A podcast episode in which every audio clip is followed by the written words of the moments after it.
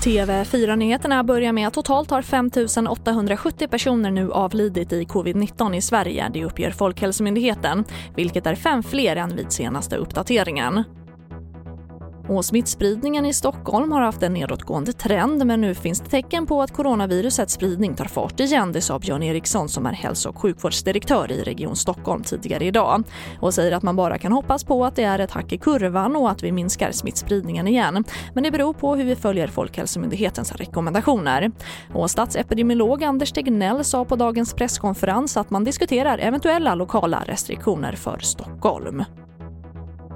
Och sen till Storbritannien där planerna på att tillåta publik på sportarrangemang från och med den 1 oktober kommer att pausas. Det sa landets premiärminister Boris Johnson i ett tal idag. Man inför också en gräns för max 15 personer för offentliga sammankomster som exempelvis bröllop och pubbar och restauranger kommer från och med torsdag tvingats stänga redan klockan 22. Och de nya restriktionerna kommer efter att smittspridningen åter tagit fart. Och det var det senaste med TV4 Nyheterna. Jag heter Charlotte Hemgren.